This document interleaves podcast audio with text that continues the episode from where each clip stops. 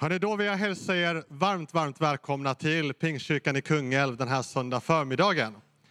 Jag som leder mötet idag heter Lukas Kossén och jobbar här i kyrkan som pastor och föreståndare.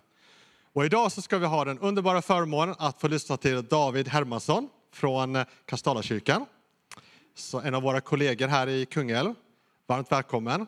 Och så Olof Eriksson ska leda oss i sång och musik. En trappa ner, en stund in i gudstjänsten så har vi barnkyrkan. Det kommer en liten jingel och då vet ni barn att det är dags att gå ner. Idag har vi ingenting för de som är 0 till 3 år. Den yngsta barngruppen får man gå ner själv som förälder och underhålla den här söndagen. Annars är det barnkyrka för alla andra åldrar. Eh, fyra år plus uppåt. Man får göra en egen tolkning där. Nästa söndag så är det första advent. Är ni med på det? Vi är redan där. Ja, det är bra. Eh, och därefter, så den 11 december, så har vi julfest här eh, i kyrkan. Ett nytt programblad finns i entrén, så det här kan man ta. Där står det om en, lite olika verksamheter som vi har. Det står om vad som händer den 11 december och sen så står det eh, programmet där, så det finns i foajén. En sak till innan vi ber och eh, eh, går in i en stund där vi sjunger tillsammans så vill jag berätta om i entrén så har ju vi, vi har ju kontakten som är vårt ekumeniska och gemensamma diakonala arbete här i stan. Och varje år så ger de en julgåva till de som är mest utsatta och behöver det som mest. Eh, och där finns det nu möjlighet att ge, vi, vi samlar in till den här julgåvan. Och då kan man köpa, det finns en önskelista i entrén där vid det här bordet. Men en tandborste, tandkräm, hygienartiklar, nya strumpor, mössor, man kan godis tror jag stod också och, och, och några sådana här saker står det där uppskrivet. Så det får man jättegärna vara med. Nästa söndag så vet du det. Då kan du köpa en eller två saker och ta med det så ger vi någonting fantastiskt eh, den här julen. Det är ju ett väldigt bra sätt att kunna vara engagerad eh, i det arbete som vi har. Så var med och ge. Den 11 december är alltså vår sista söndag för att kunna göra det och sen kommer vi att Eh, och man behöver inte slå in dem för att sen kommer vi se alla grejer och så kommer vi baka ihop det till fantastiska julgåvor. Det är ju jättebra, eller hur? Då är ni med på det också. Nu ber vi. Herre, vi tackar dig att vi får den här gudstjänsten, eh, sänka våra axlar. Vi får komma som vi är, där vi är. Och vi får förvänta oss någonting av dig. Vi vet Gud att du är närvarande och du är personlig och du vill tala i sång och musik, i undervisning, i gemenskapen efteråt, så vill du tala till oss. Du vill lyfta vår själ, du vill höja vårt perspektiv, du vill tala in din sanning i vårt hjärta och vårt liv. Du vill låta oss se din godhet och din omsorg, Herre. Och vi ber dig Gud att du ska få göra det på ett personligt plan. Du som vet vad vi går igenom och vad vi kämpar med och vad vi gläds åt, Herre. Så den här gudstjänsten så inbjuder vi dig att få sitta med öppna hjärtan och ha den förväntan på dig Gud. Amen.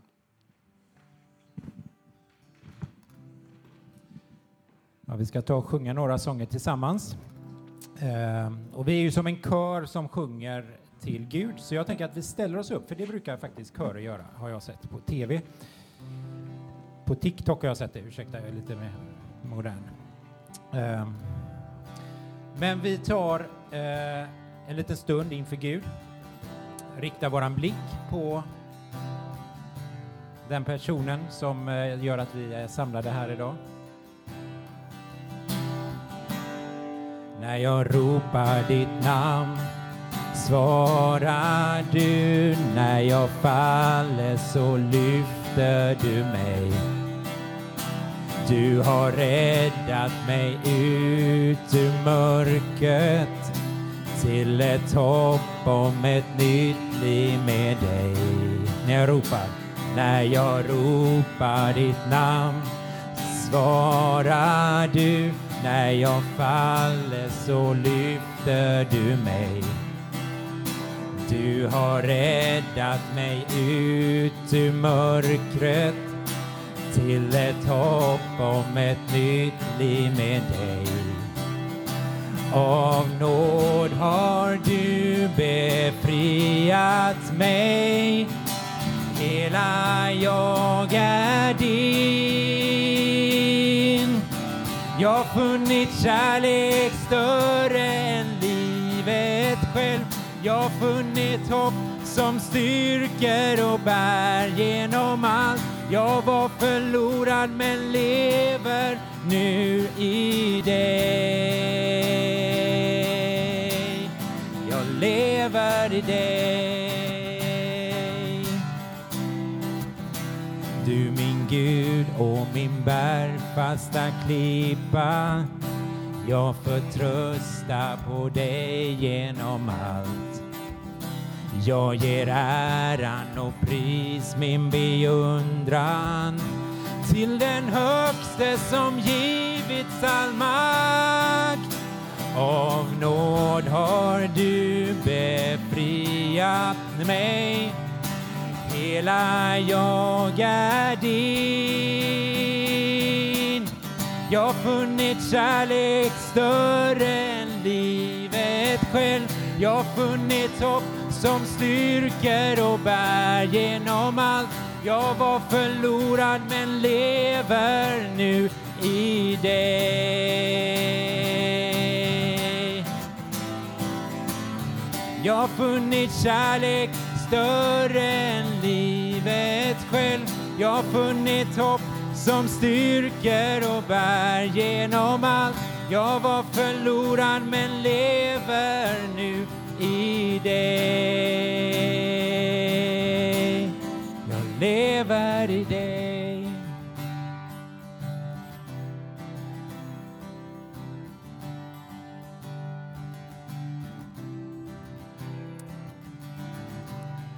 När jag var eh, sommaren mellan åttan och nian i högstadiet så gick gick in i en dunge, en liten skogsdunge.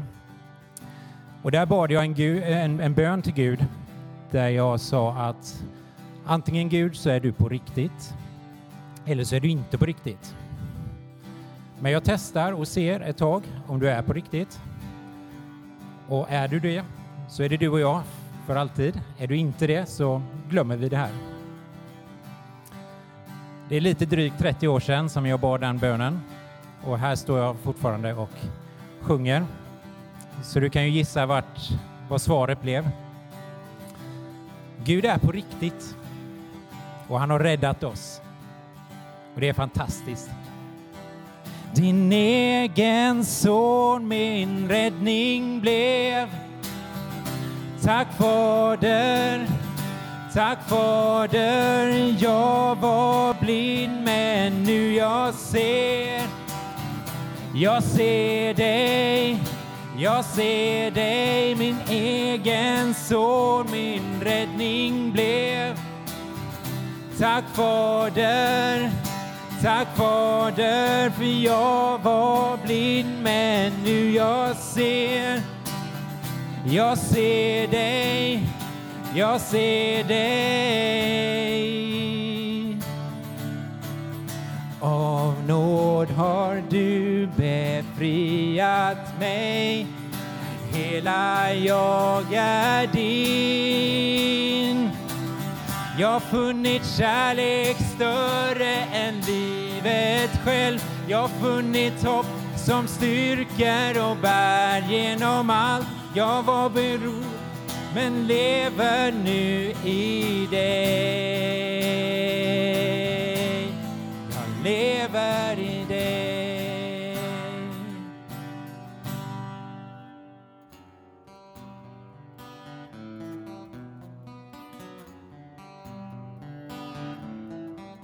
Vi fortsätter sjunga om hur god Gud är. Gud, du är underbar. Din kärlek är oslagbar. Gud, du är underbar. Underbar, du är underbar. Gud, du är underbar. Din kärlek är oslagbar. Gud, du är Underbar, underbar, du är underbar.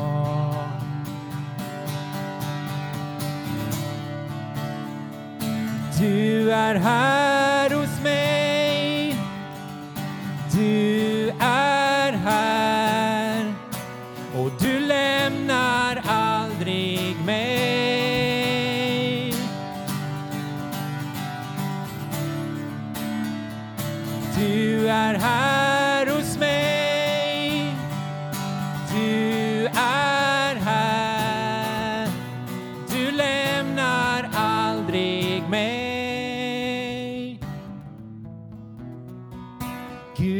du är underbar. Din kärlek är oslagbar. Åh, Gud, du är underbar. Underbar, du är underbar.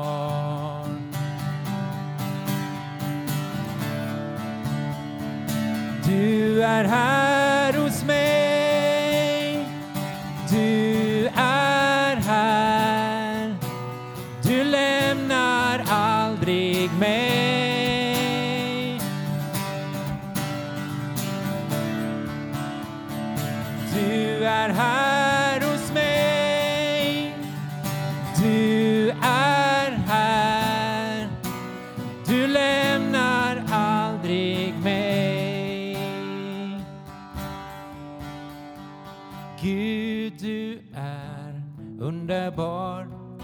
kärlek är oslagbar.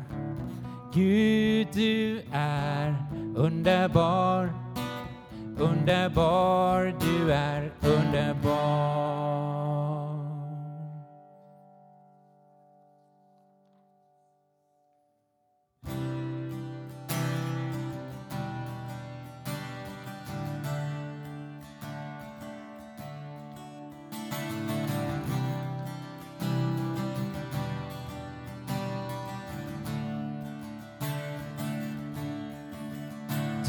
Är kärlek och liv.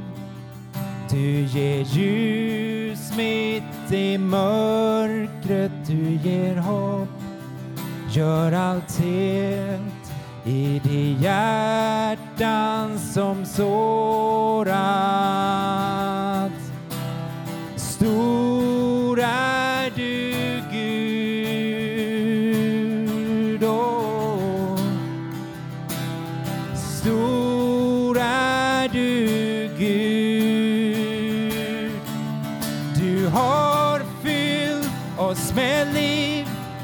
Så vi ger dig vårt lov. Vi ger dig vårt lov. Du har fyllt oss med liv, så vi ger dig vårt lov, vår Herre. Stor är du, Gud. Du är kärlek, du är kärlek och liv. Du ger ljus mitt i mörkret, du ger hopp. Gör allt helt i de hjärtan som sårat. Stor är du,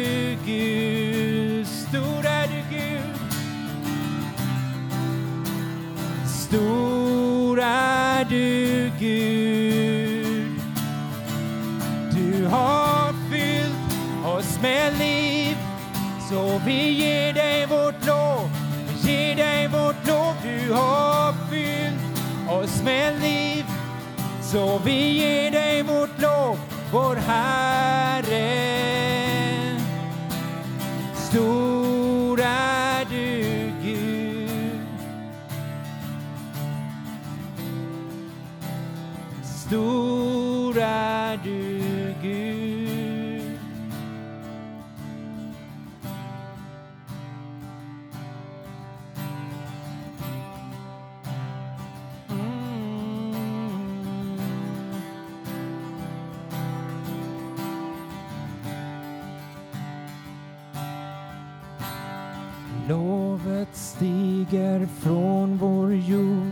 Allting om oss ropar ut Stor är du Gud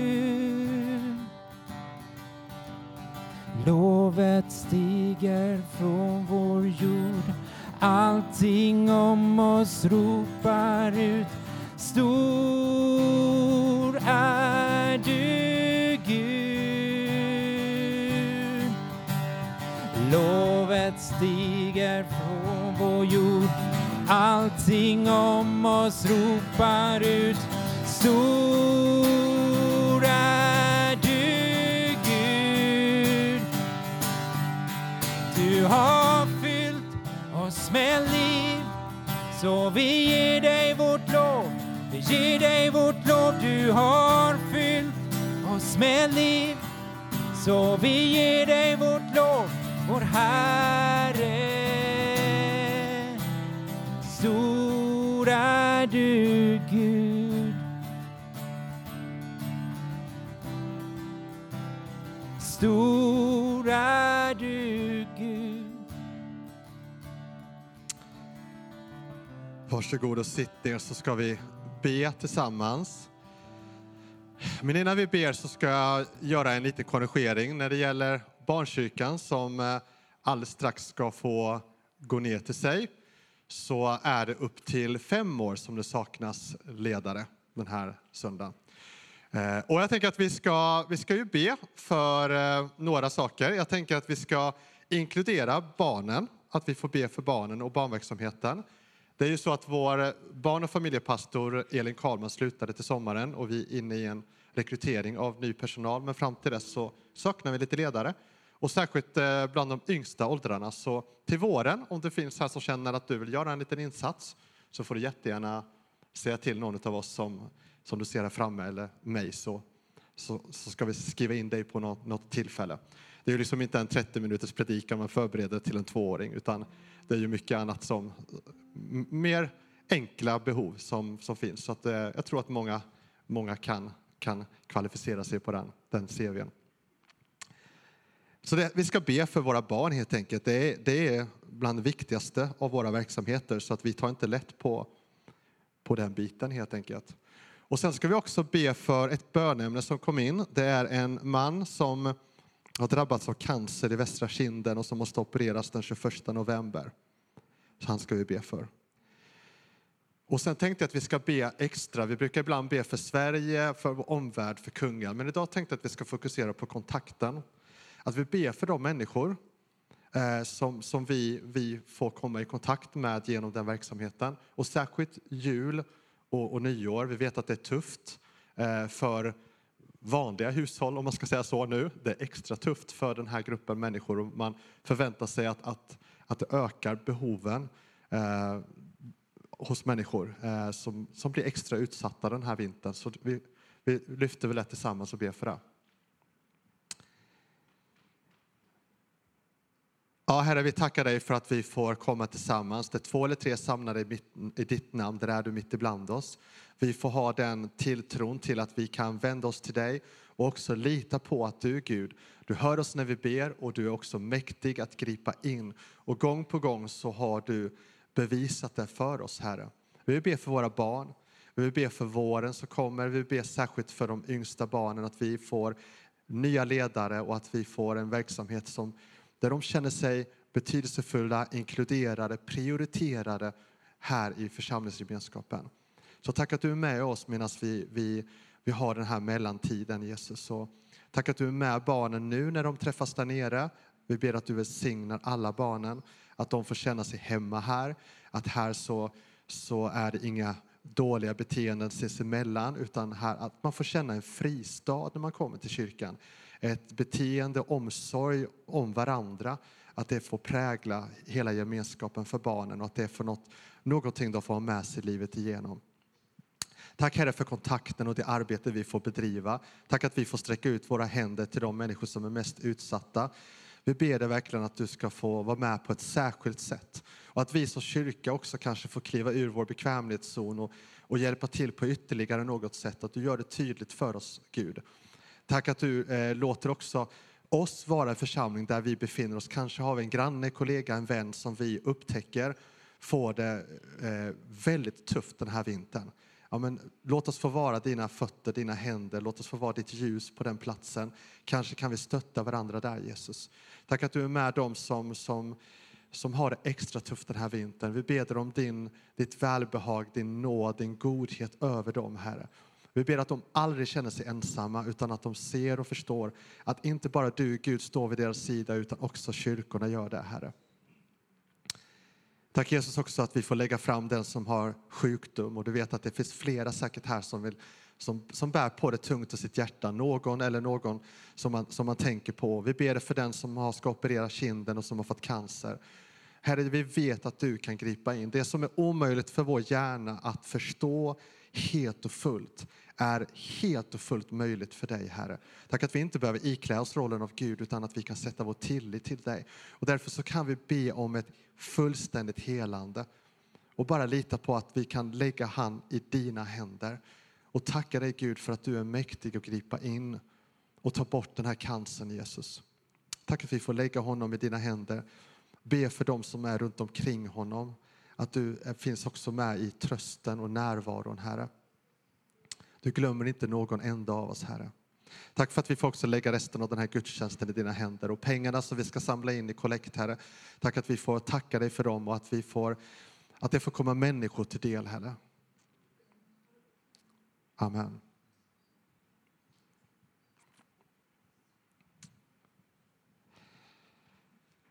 Lite ledande i bönen så förstår ni att vi ska samla in en kollekt, vilket är en insamling, ett annat ord för en insamling.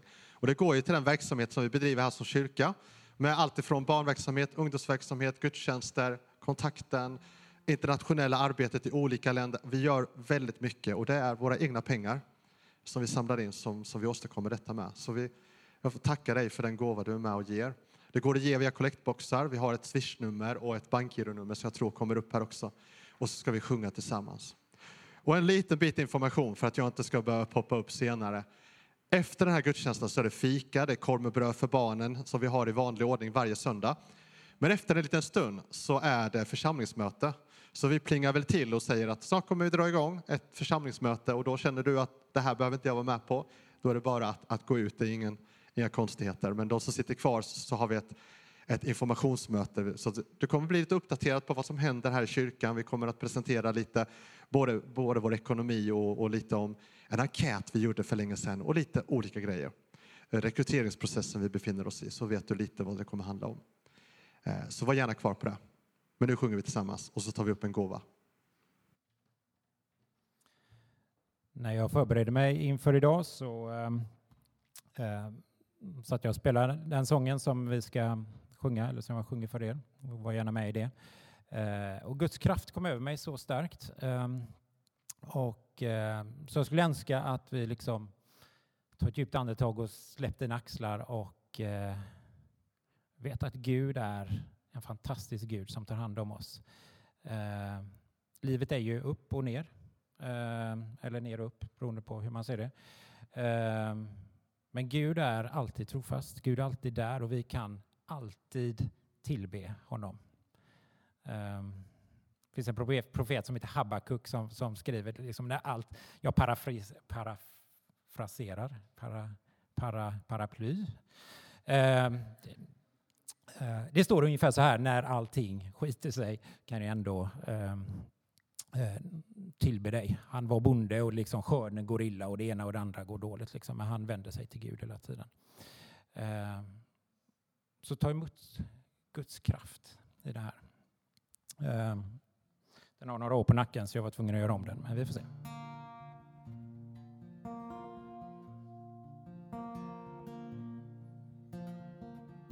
Blessed be your name in the land that is plentiful, where the streams of abundance flow.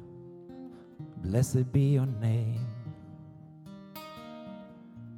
Blessed be your name when I'm found in the desert place, though I walk in the wilderness, blessed be your name.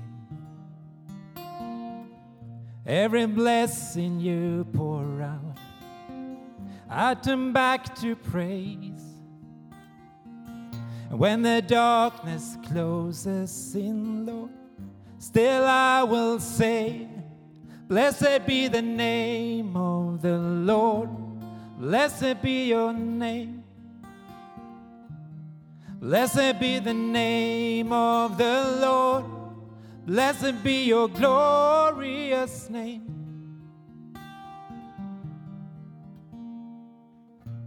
Blessed be your name when the sun's shining down on me, when the world's all that it should be. Blessed be your name. Blessed be your name on the road marked with suffering, though there's pain in the offering. Blessed be your name. Every blessing you pour out, I'll turn back to praise. When the darkness closes in, Lord, still I will say, Blessed be the name of the Lord, blessed be your name. Blessed be the name of the Lord. Blessed be your glorious name. Blessed be the name of the Lord. Blessed be the name. Blessed be the name of the Lord. Blessed be your glorious name.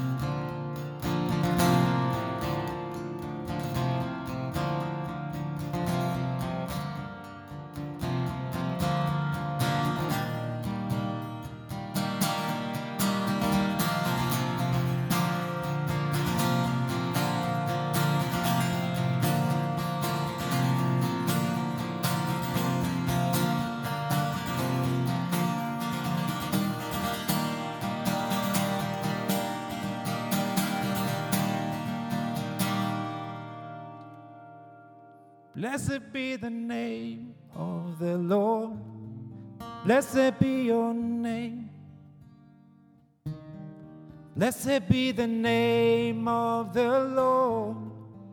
Blessed be your glorious name.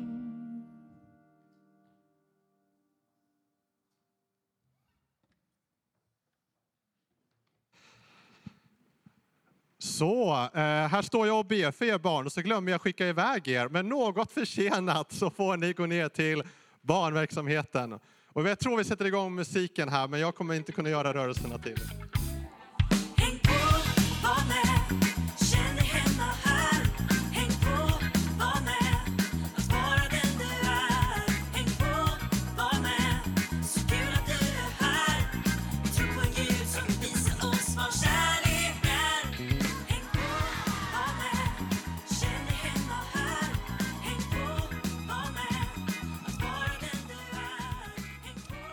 Gött. Hej. Eh, vad svängigt. Eh, vad, vad gött. Vad roligt att vara här.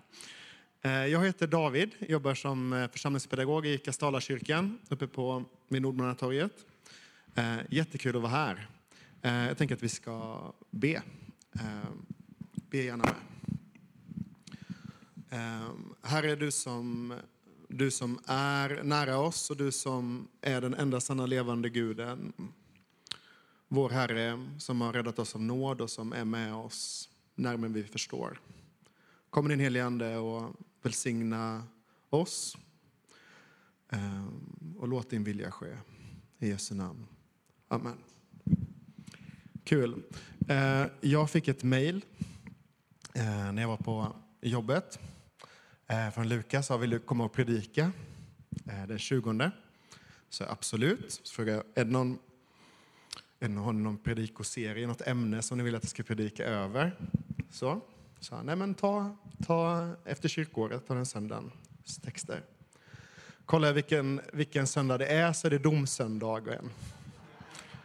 Så jag skickar tillbaka att jag tar på mig min mest svavelosande parfym och så kommer jag hit. Så här är jag. Vi står i kyrkårets sista söndag.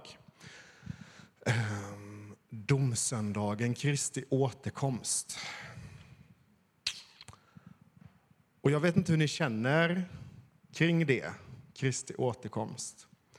Jag vet att jag ibland har känt att det känns lite ödesmättat, lite, lite hårt, lite läskigt. Och jag vet att jag har mött folk som jag har pluggat med, en del från Pingstkyrkan, en del från andra sammanhang, som har varit rädda. Eller snarare som har varit barn och varit rädda för Jesu återkomst. Jag vet inte om ni känner igen er i det, att det känns läskigt. Eh, och jag tänker att predikningar brukar man lyssna mest på i början, så jag tänker det är bättre att man säger det man skulle vilja ha sagt i början, så att inte folk har hunnit sona zona ut riktigt än. Jesus överger oss inte. Det är skillnad på att frukta Gud och att vara skrämd. Ehm, det ena är gott, det andra är destruktivt.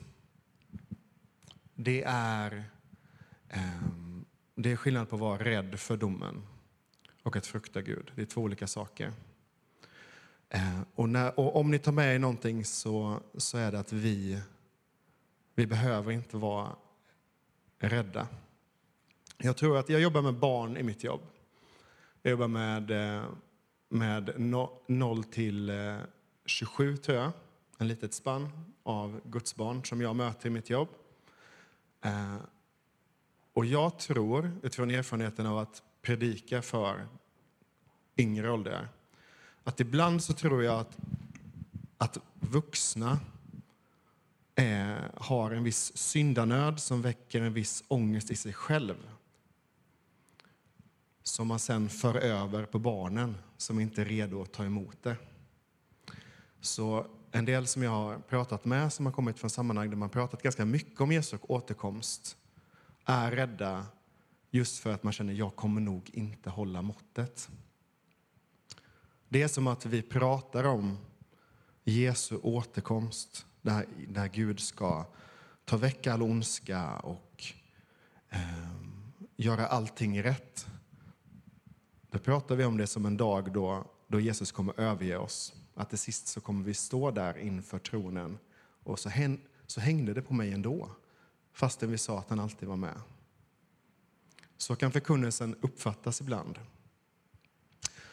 Så säger inte Bibeln. Jesus överger oss inte. Han är med oss alla dagar och han bär oss in i evigheten. Ingen av oss håller måttet själva. Det är poängen. Vi är i behov av nåden. Vi är i behov av hans förlåtelse och hans frälsning. Nu har jag snackat för mycket, nu läser vi. Eh, så har ni biblar med er, slå upp dem. Har ni inte det så kan ni kolla där uppe och fuska.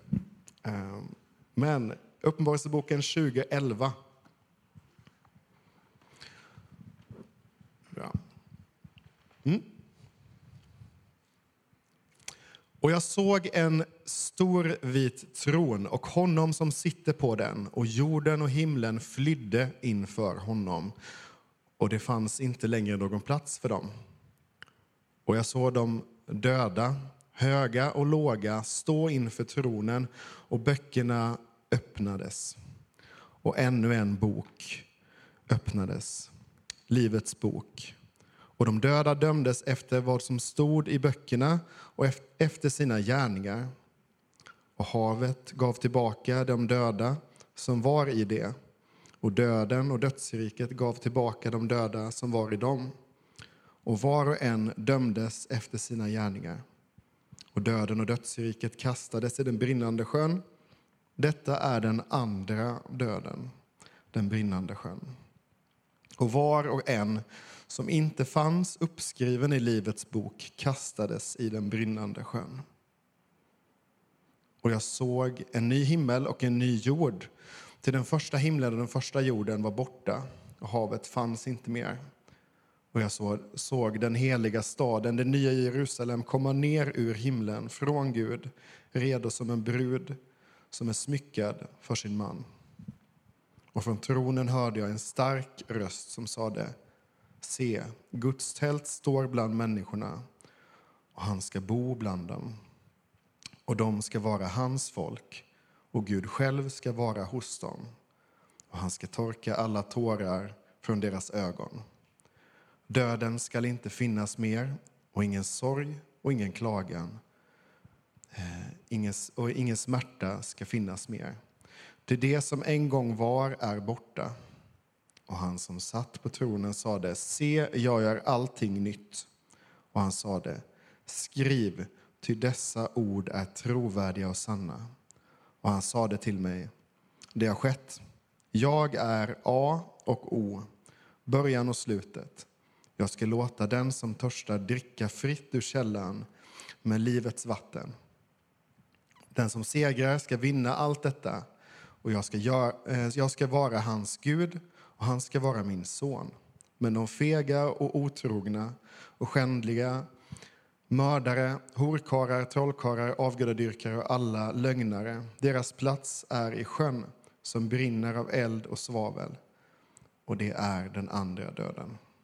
Så lyder Herrens ord. Um, allvarliga texter. Och det enkla för mig som predikant nu skulle vara att fokusera på den andra delen av texten.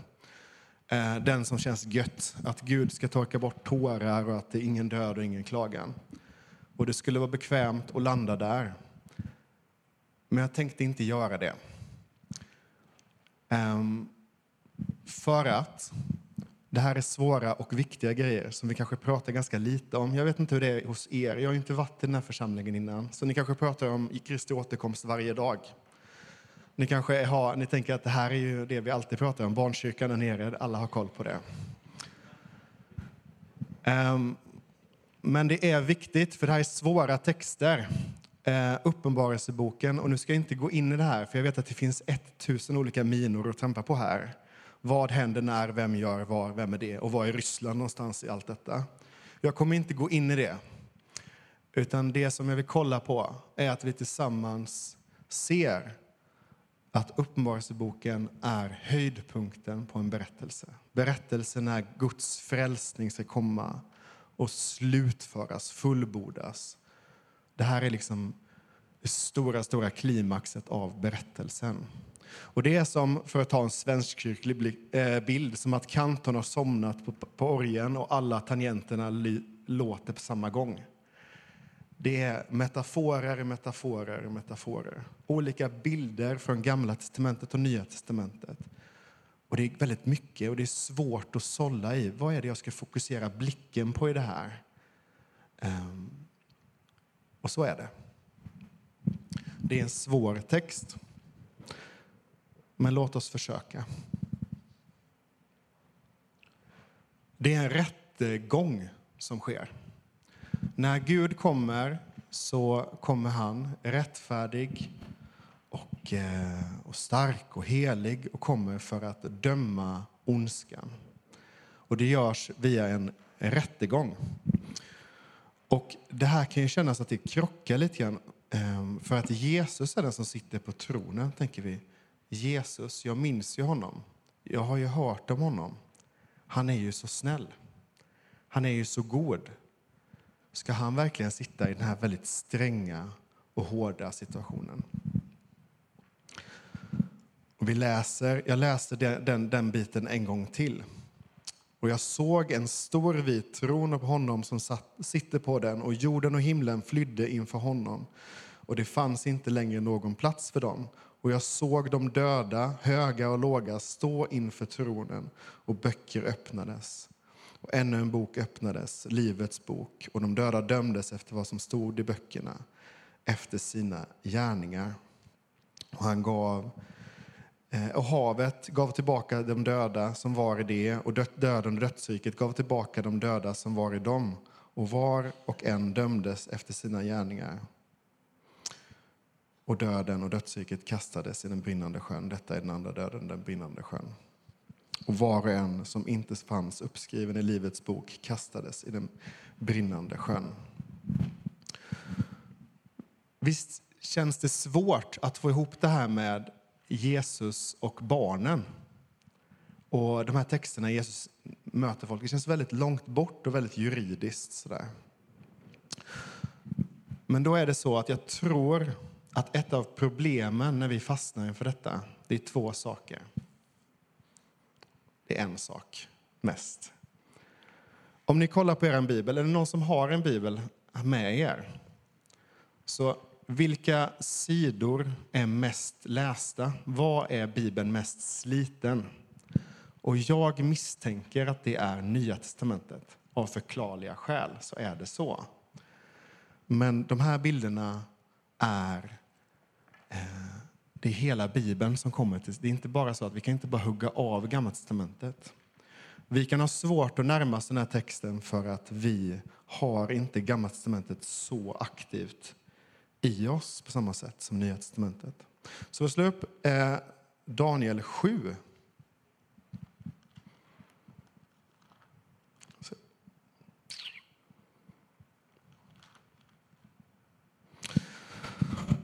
Och Daniel, han har eh, en profetisk dröm om kungar som ser ut... Det är en bild med jättemärkliga bilder av djur, olika odjur och horn. Och vi känner igen det från Uppenbarelseboken, att det är samma bilder. Så redan under eh, gammaltestamentlig tid när folket är i förskingringen i exilen, lever i ett land som liksom inte är deras och de väntar på frälsningen från Gud, så talar Gud in i den situationen. Eh, och han ger Daniel en bild av vad som komma skall. Och då står det så här. Bra. Sedan såg jag tronstolar sättas fram och en uråldrig man slå sig ner. Hans kläder var snövita och håret på hans huvud var som ren ull. Hans tron var eldslågor och hjulen därunder flammande eld. En ström av eld flöt fram från platsen där han satt. Tusen och åter tusen betjänade honom och tiotusen och åter tiotusen stod där inför honom. Så tog domare plats och böcker öppnades. Jag såg sedan hur djuret blev, död, blev dödat på grund av de stora orden och hornet, eh, som hornen talade och kroppen brändes upp och förintades. Och de andra djuren berövades sin makt men fick fortsätta att leva intill fastställd tid och stund. Och jag såg vidare i synerna om natten hur en som liknade en människa kom med himlens skyar. Han nalkades den uråldrige och fördes fram inför honom. Åt honom gavs makt och ära och herravälde så att människor av alla folk, nationer och språk skulle tjäna honom. Hans välde är evigt och det ska aldrig upphöra och hans rike ska aldrig gå under. Jag, Daniel, blev skakad i djupet av, eh, av min själ och skrämd av synerna jag såg. Skönt. Daniel, blir också, Daniel är också människa. Han blir också rädd av detta. Så här. Eh, och, ni märker ju, kan vi ta tillbaka upp det på skärmen? Superbra. Ni märker att det är samma bild. Det är nästan som att det är en profetia. Det är nästan som att det är samma Gud i Gamla testamentet som Nya testamentet som vill berätta någonting. Nämligen att trots att det kommer stora makter och det verkar som att allting är förlorat så har Gud all makt och ska döma ondskan och ska döma förtryckare och, och, och döma förtrycket och döma andemakterna där bakom men också systemen som byggs upp för, för att utföra ondska över människor och förtrycka människor. Och han ska göra det genom en domstol. Och när Gud har en domstol så har han böcker med där han kan se. Gud dömer efter det som finns i hjärtat, inte efter hörsägen. Han ser vad vi har gjort och han ser vad vi har med oss. Och han ska döma oss därefter. Än så länge så kanske vi har skäl att vara rädda fortfarande. Det kanske fortfarande känns när kommer det här goa som man väntar på i predikan? När kommer det här, allting är bra, jag behöver, jag behöver inte leva mitt liv på något annat sätt än vad jag gör. När kommer den poängen? Eh, snart. Eh, Men låt oss vara kvar lite till, för det är gott att i mötet med Guds ord kanske känna, just ja. Allt som viskas i skymundan ska ropas på taken. Det som jag bär på bakom fasaden av mitt lyckade liv eller vad man nu har. Det vet Gud om och det ska också få bearbetas med mig när han kommer tillbaka. Nej. Och om man känner så, att en litet, ett liten, liten, liten stråk av oj, oj, då ska man bejaka det. Det är gott.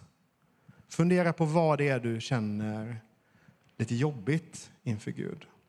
Och kom ihåg att han vet redan om det. Han vet om det.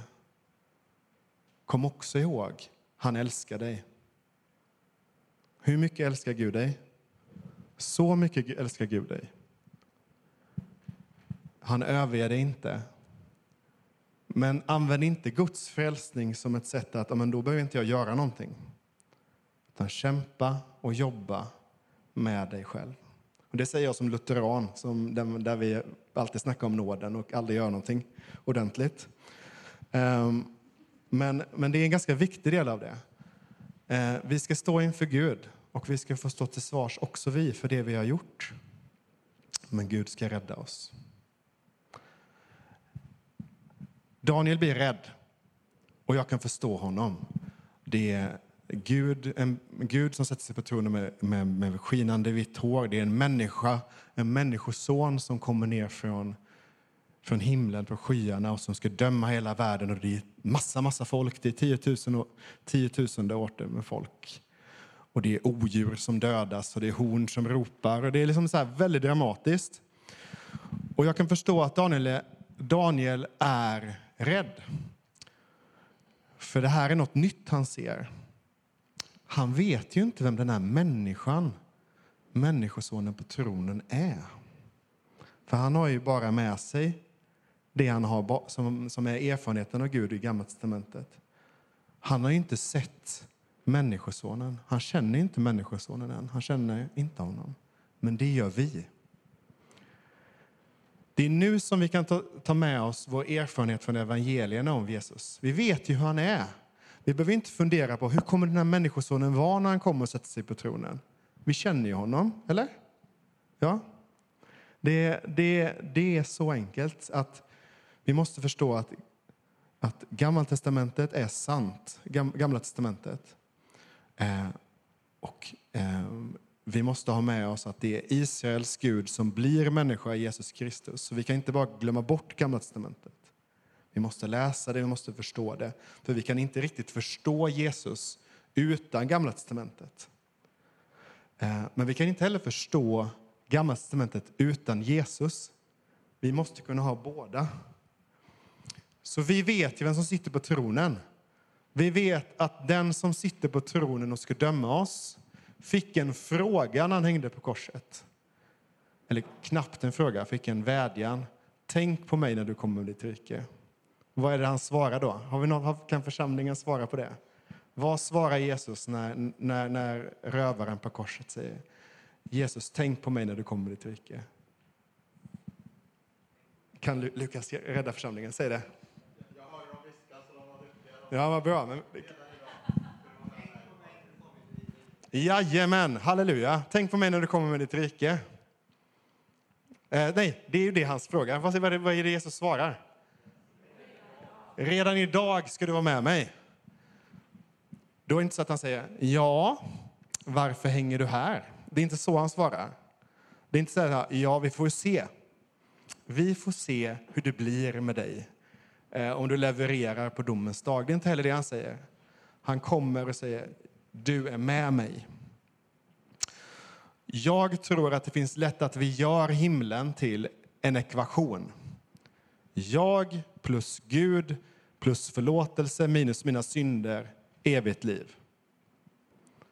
Då blir liksom målet med himlen, målen är him, himlen och att jag ska komma till himlen.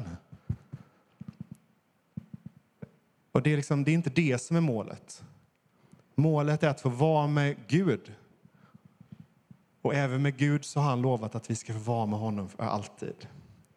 Målet med vår tro och med vårt liv måste vara Jesus. Är det inte det så missar vi det. Det är det allvarliga med, med domsöndagen. Gud är målet. Um, eller som en kompis till mig som är ortodox präst sa.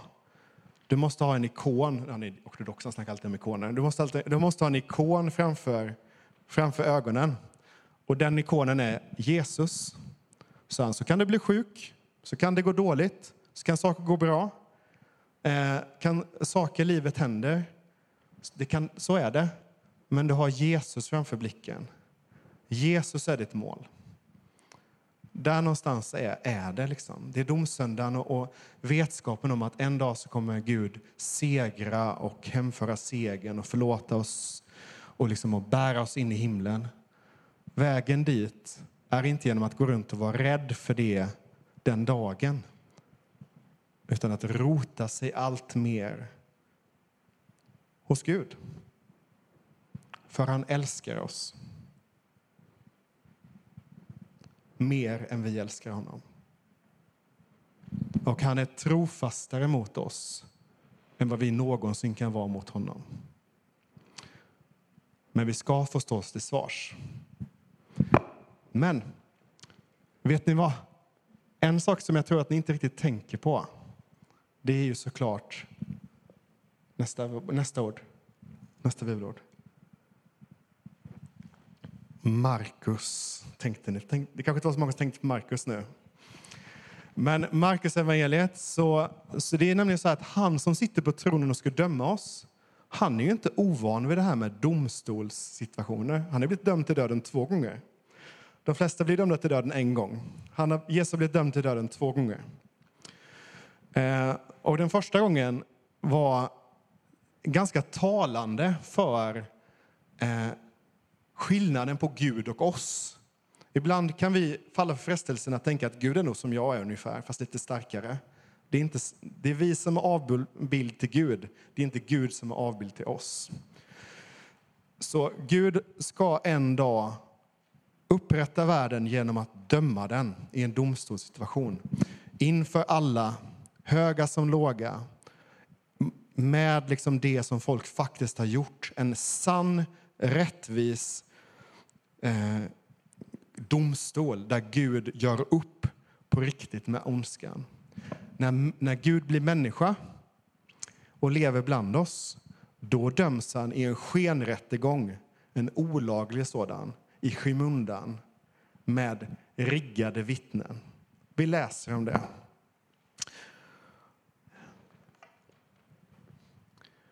Översteprästerna och hela rådet sökte få fram eh, vittnesmål mot Jesus för att kunna döma honom till döden.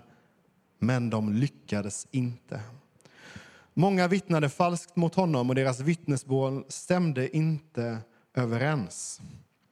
Några kom med falska vittnesbördet att de hade hört honom säga jag ska riva ner detta tempel som är byggt av människohand och på tre dagar bygga upp ett annat som inte gjort av människohand. Men inte heller nu stämde mis- eh, vittnesmålen överens. Vi stannar där. En inkompetent eh, skenrättegång. De har alla korten på sin hand, men de, har inte för, de tänker att det här är klart. Så de har inte förberett sig tillräckligt mycket för att ens kunna döma honom för falska vittnesbörd. Förstår ni hur pinsamt dåligt det här är? De är inte ens duktiga på att få ihjäl honom fastän de håller alla korten på, på, på hand. Um, så de lyckas inte ens uppfylla kraven för en rättegång, mänsklig rättegång fastän de har, har liksom konspirerat för att ha ihjäl honom. De här människorna. Så mycket vill de ha ihjäl honom. Eh, och det är rätt kul när man läser texten. Eh, eller ja, kul. Det, det är intressant att man ser att det verkar vara så att översteprästen bara, nej, okej, ska, någon, ska, man göra det, ska man göra det får man göra ordentligt får man göra det själv. Eh, han verkar ganska irriterad och fortsätter läsa. Då reste sig översteprästen från sin plats och frågade Jesus, ska du inte svara på deras beskyllningar? Men han teg och svarade ingenting. Då ställde översteprästen ännu en fråga. Är du Messias, den välsignades son? Jesus svarade. Det är jag. Och ni ska få se Människosonen sitta på maktens högra sida och komma bland himlens moln. Då slet översteprästen sönder sina kläder och sade, vad ska vi nu med vittnen till? Ni har ju hört hädelsen, vad anser ni? Alla fann att han förtjänade döden och några började spotta på honom. De band för ögonen på honom och slog honom och sade, visa att du är profet. Och vakterna gav honom örfilar. Ehm, märkte ni vad som hände? Vad blev han dömd för? Han berättade vem han var och men det mänskliga gensvaret var han hädar, döda honom. Kan vi ta tillbaka det här, eh, en vers tillbaka? Precis. Um, eh, nu är jag så van vid att undervisa så att det blir så att jag direkt går in och börjar ställa frågor till er. Men jag inser att ni är svårt att svara tillbaka. Eh, men det är två stycken hädelser som de tycker sig höras. Och faktum är att om inte Jesus hade varit Gud så hade han hädat här. Två stycken. Men nu är han ju Gud så att han berättar ju bara vem han är. Det är som att de har frågat, de har försökt lirka runt honom hela evangelieberättelsen fram till den här punkten. Och nu säger han det och de blir ah, skitarga. Får man säga det? De blir arga, förlåt. Um. Första delen är, som vi sa innan, Blessed be the name of the Lord sjöng vi innan. Eller hur? Ser ni gudsnamnet? Är det någon som kan säga tre ord där han säger gudsnamnet? Det är jag. På grekiska står det egoimi. Det är ett grammatiskt fel. Man säger inte så. Eh, gudsnamnet är ju jag är. Det är Israels Gud. Herren, jag är. Och egoimi, som vi översätter här med det är jag, betyder ordagrant jag, jag är. Alltså jag är, jag är. Men fråga, är du Guds son? Han säger jag är Gud. Så redan där så är, Eh, skulle han bli dömd. För, om han hade stannat där så hade han varit dömd till döden redan av de här, sin publik. Men han fortsätter. Eh, och ni ska få se Människosonen sitta på maktens högra sida, alltså jämlik med Gud. Människosonen från Daniel kapitel 7. Och han ska komma bland himlens moln. Ja, och då slet de sönder sina kläder och säger han har hädat. Och det spännande är också här, så här, visa att du är profet. Så här tror jag det är ganska mycket med oss. Vi ber Gud om svar. Gud, bara kunde du visa någonting? Och så ger han oss ett svar. Jesus ger det bästa svaret någonsin är. Han berättar inte bara jag är Gud, jag är Herren, säger han om sig själv. Han säger också, han berättar att det som händer nu, den här skenrättegången som de gör mot Jesus, är som en skuggig spegelbild, en motsatsbild mot den, den rättegång som kommer vara när, när Jesus kommer sitta på den positionen där överstprästen sitter nu. Förstår ni bilden? Att de dömer Jesus till döden. En dag ska han döma människor till livet och till döden. Döma levande och döda. Visa att du är profet. Jag tror att domsöndagens budskap är som följer. Gud är helig. Gud är ljus och inget mörker finns i honom. Gud är rättvis. Gud kan inte bara säga det är lugnt, vi glömmer det där. Vår synd är allvarlig. Vi bär med oss det. Och om ni vill tänka på vad är synden då? Jag har inte sagt vad synden är. Så skulle jag kunna gå in och peka på specifika saker.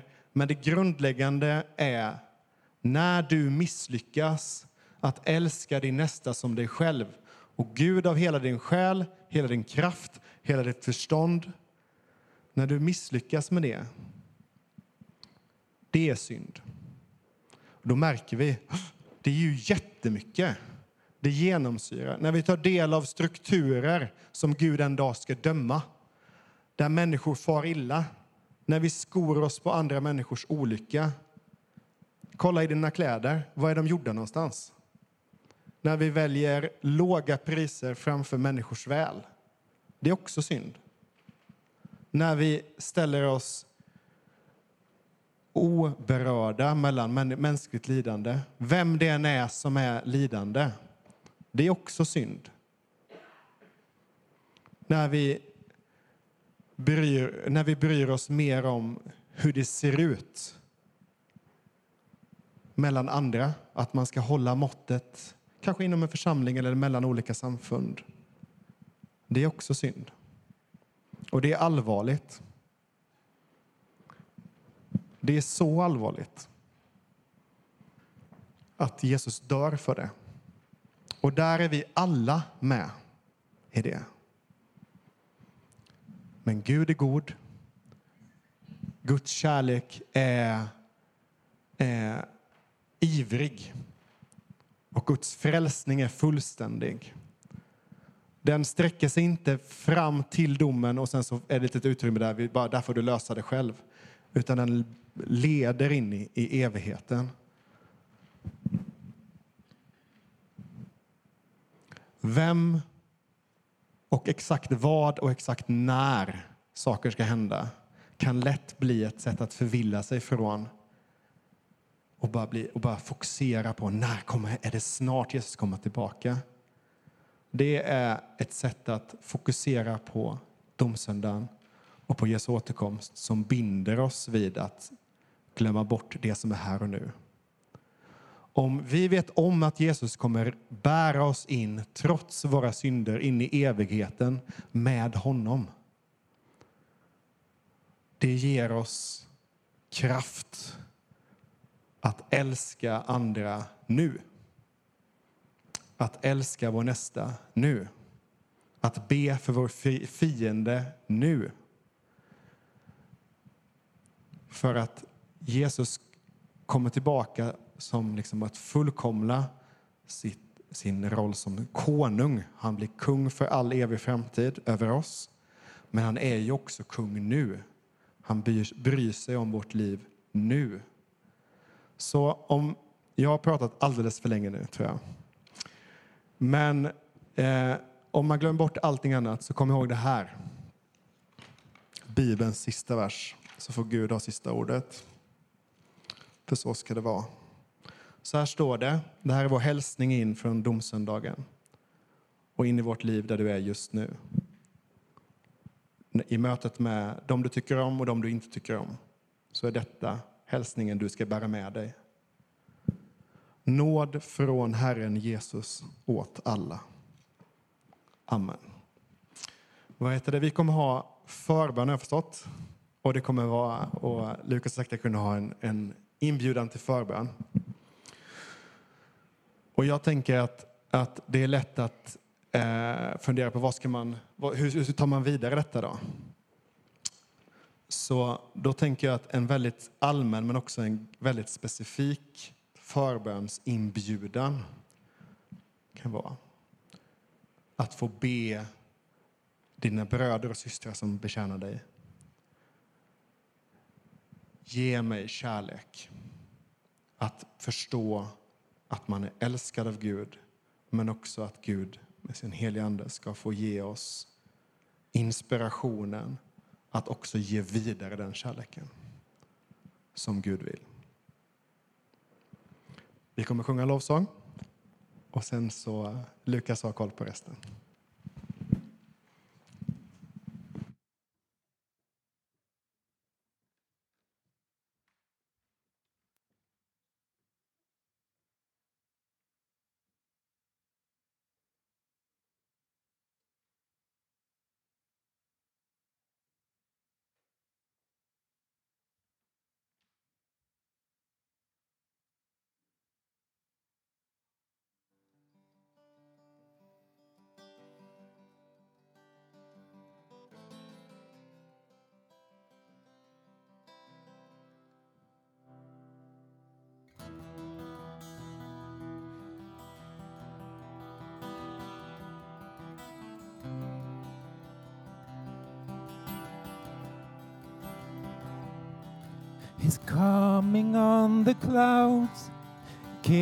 And kings and will bow down.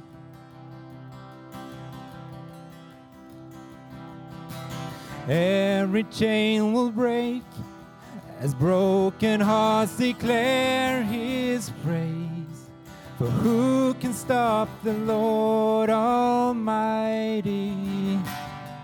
Our God is the lion, the lion of Judah, is roaring with power and fighting our battles. Every knee will bow before him. Our God is the Lamb, the Lamb that was slain for the sins of the world breaks every chain, and every knee will bow before the lion and the lamb. Every knee will bow before him.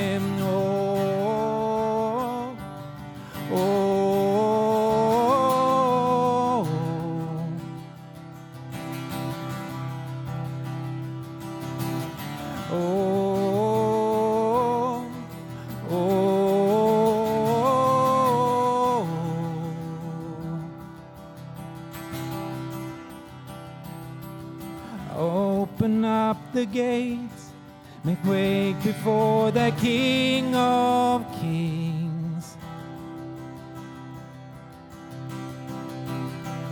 The God who comes to save is there to set the captives free. Who can stop the Lord Almighty? Our God is the lion, the lion of Judah, is roaring with power and fighting our battles, and every knee will bow before him. Our God is the Lamb, the Lamb that was slain for the sins of this world. His blood breaks the chains, and every knee will bow before the lion and the lamb. And every knee will bow before him.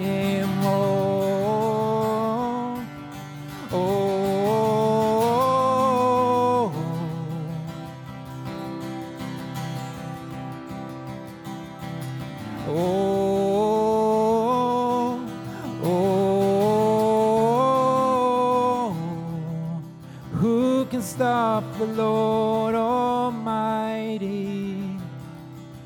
Who can stop the Lord Almighty? Who can stop the Lord Almighty? Who can stop the Lord Almighty? Our God is the lion, the lion of Judah, is roaring with power and fighting our battles, and every knee will bow before him. Our God is the Lamb, the Lamb that was slain for the sin of this world. His blood break the chains, and every knee I would bow before.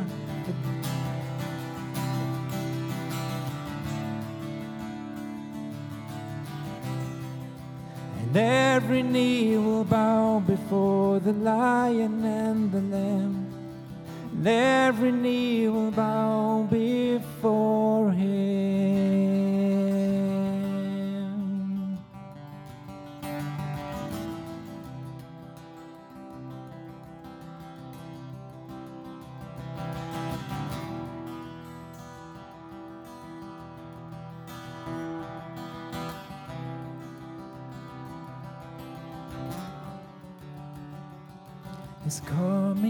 The clouds.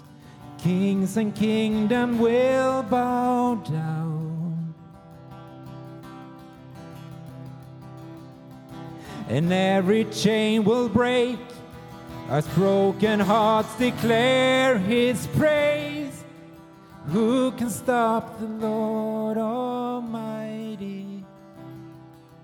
Who can stop the Lord Almighty? Who can stop the Lord Almighty?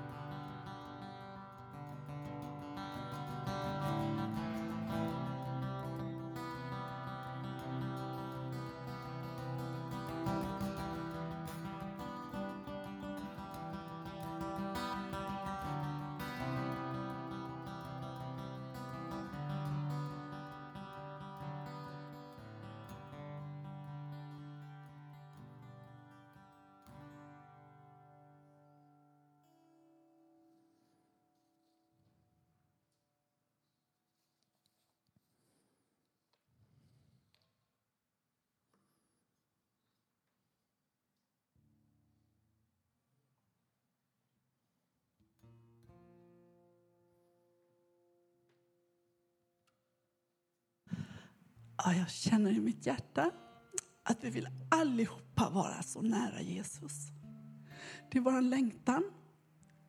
Och jag tänker att, att vi kanske ska be för varandra när vi sitter i bänkarna. Att vi tar varandras händer och att vi bara välsignar varandra. För det är det vi vill. Vi vill säga som rövaren. Åh, jag vill vara med dig. Att vi varenda dag ser på Jesus. Att han välsignar våra liv. Ja, kan ta varandras händer. Ja, Jesus. Jag tackar dig för att du är här nu. Jag tackar dig för att du älskar oss otroligt mycket, Jesus. Jag tackar dig, Jesus, att du ska välsigna oss. Tack för att du ska välsigna oss. Du ser varenda en av oss. Att vi längtar så att vara så nära dig som möjligt. Jesus, Jesus. Jag tackar dig för församlingen. Jag tackar dig för att vi får komma hit och komma nära dig i en värld som är så stormig. Och jag tackar dig för att du är här för att välsigna oss. Åh, välsigna oss. Välsigna oss idag. Älskar dig Jesus. Älskar dig Jesus. Du ser vad vi behöver. Du ser vad vi behöver. Din närhet varenda sekund. Din närhet varenda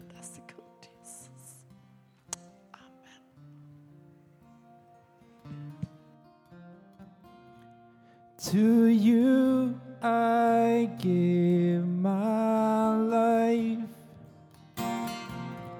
not just the parts I want to. To you I sacrifice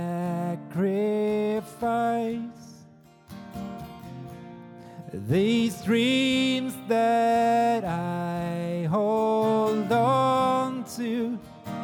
Your thoughts are higher than mine. Your words are deeper than mine. Your love is stronger than mine.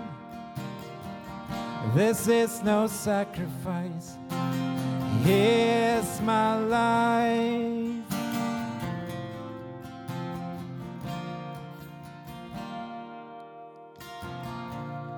To you I give the gift. Your love has given me How can I hoard these treasures that you design for? Because your thoughts are higher than mine. Your words are deeper than mine. Your love, yes, it's stronger than mine. This is no sacrifice. Here's my life.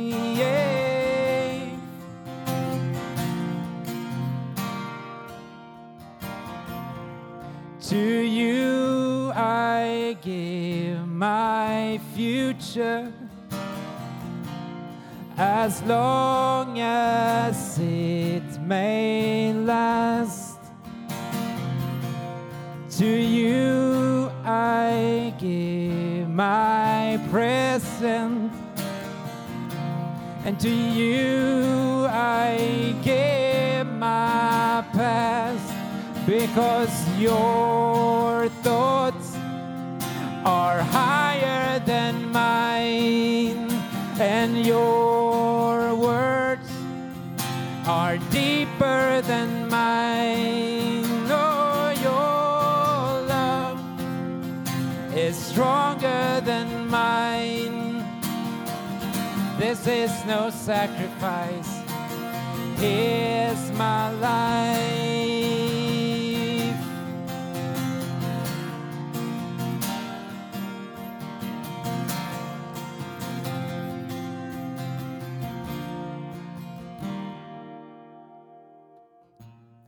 To you I give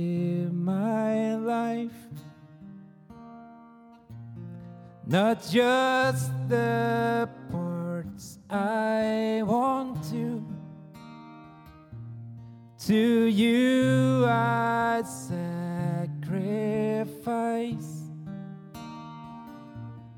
these dreams that I hold on to because your thoughts are higher than mine.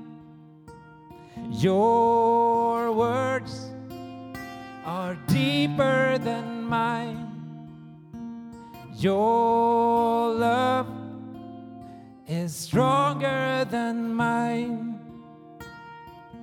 This is no sacrifice. Here's my life.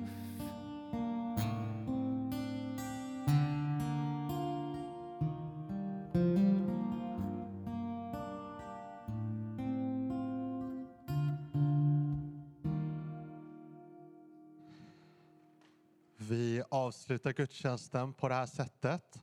Och så är det varmt välkommen att stanna kvar på fikat. Och som sagt, en liten stund in i fikat så plingar jag till och kommer jag säga att om ett par minuter så är det församlingsmöte så vet ni att vi kommer göra en liten sån här förvarning till det. Varsågoda.